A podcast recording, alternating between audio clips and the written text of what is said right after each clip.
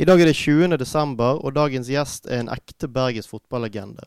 Hun kalles Mor Sandviken, der hun har vært involvert helt siden 1977 som bl.a. spiller, styreleder og markedsansvarlig. Og nå er hun altså markeds- og medieansvarlig i Brann Kvinner. Jeg snakker selvfølgelig om Mette Hammersland, som forteller historier fra et langt liv med Brann og Sandviken.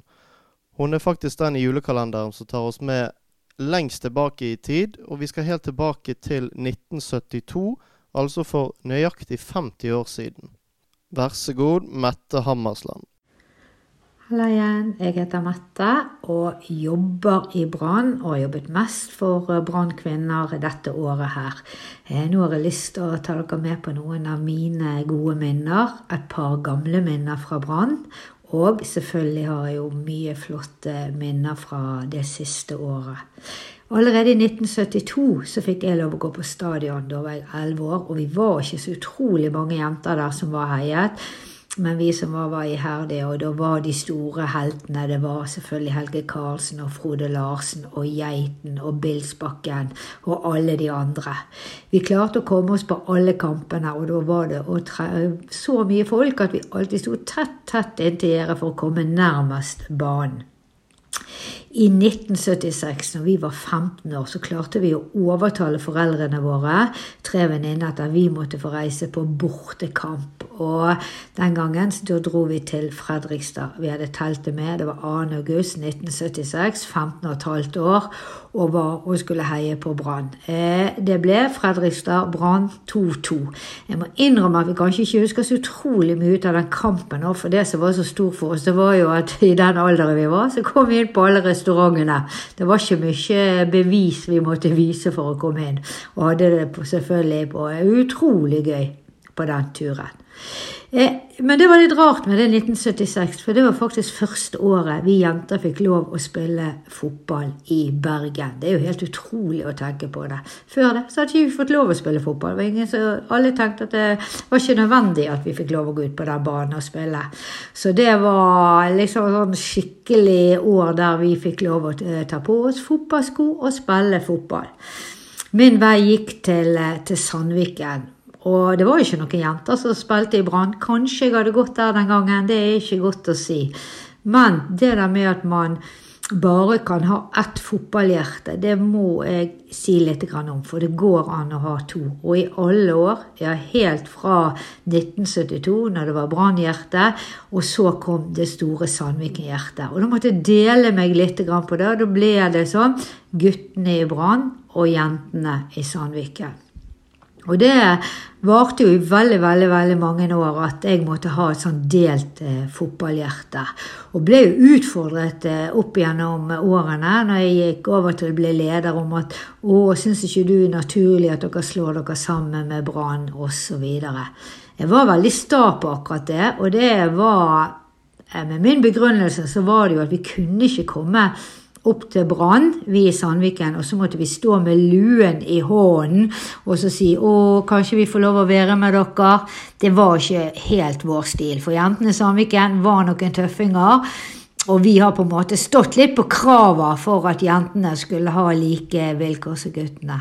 Men så begynte eh, tiden å gå, og vi så at Brann virkelig ønsket å ha jenter inn i klubben, eller å ha et kvinnelag.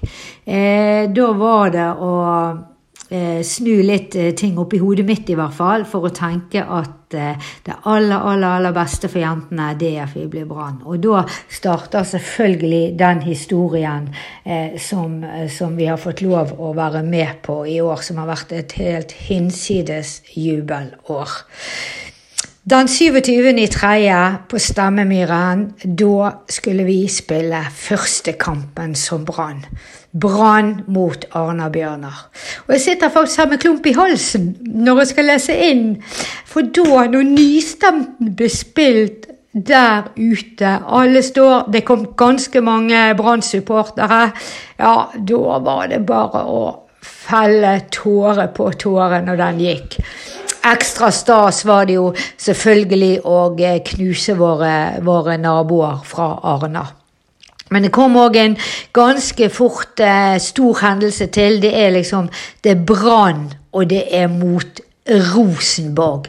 18. Eh, april. Vi var litt skeptiske, for det her var jo liksom i påsken og greier. Andre påskedag kom det til å komme folk på, på Stemmerenn. Og den dagen så kom det 1180. Det er mye på Stemmerenn. Og det var igjen nystemten, gåsehud, tårer.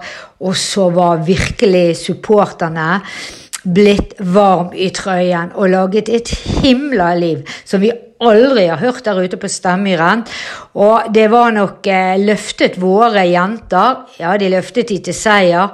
Og ikke minst gjorde de Rosenborg til noen skjelvende aspeløv, må jeg få lov å si.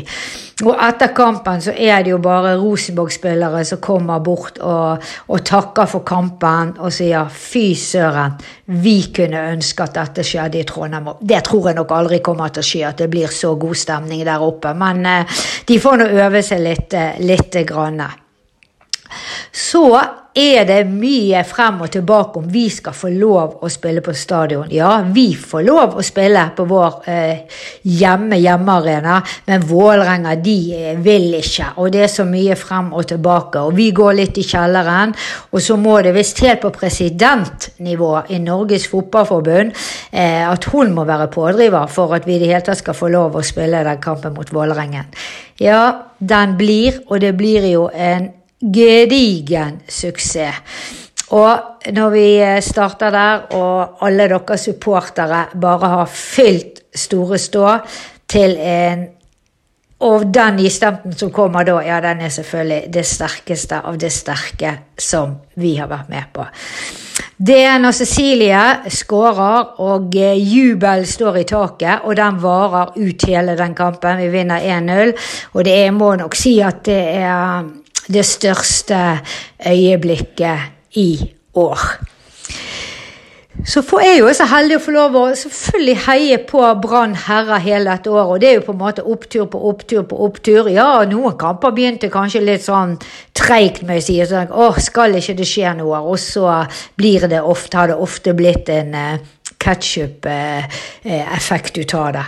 Men uh, og på alle kampene jeg har vært, så har jo supporterne vært det som har imponert aller, aller mest.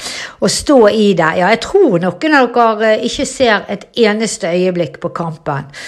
Og det er jo det vi har opplevd eh, på våre bortekamper òg, har vi aldri hatt noe. vi har jo bare vært to stykker som har vært på de bortekampene. Og i år har vi liksom kunnet menge oss med med eh, Østlandsgjengen, som har vært eh, på alle våre bortekamper. Ja, ja frem til det blir sluttspill, men vi regner nå bare grunnspillet. Vi får ta, ta, det sånn, for det var sånn det ble i år. Eh, og eh, det dere har klart å lage av liv på bortekampen Ja, på noen kamper tror ikke dere har vært mer enn kanskje 20 stykker, men det har jo hørt ut som 2000. Og det er jo det som har vært så kjempe, kjempegøy. Eh, det så at vi er blitt tatt sånn imot av supporterne altså Det er ikke én av våre spillere som ikke nevner det i, i, sine intervjuer når de snakker med andre. Hva har vært det aller, aller beste med å bli Brann? Det er faktisk det som dere supportere har gjort.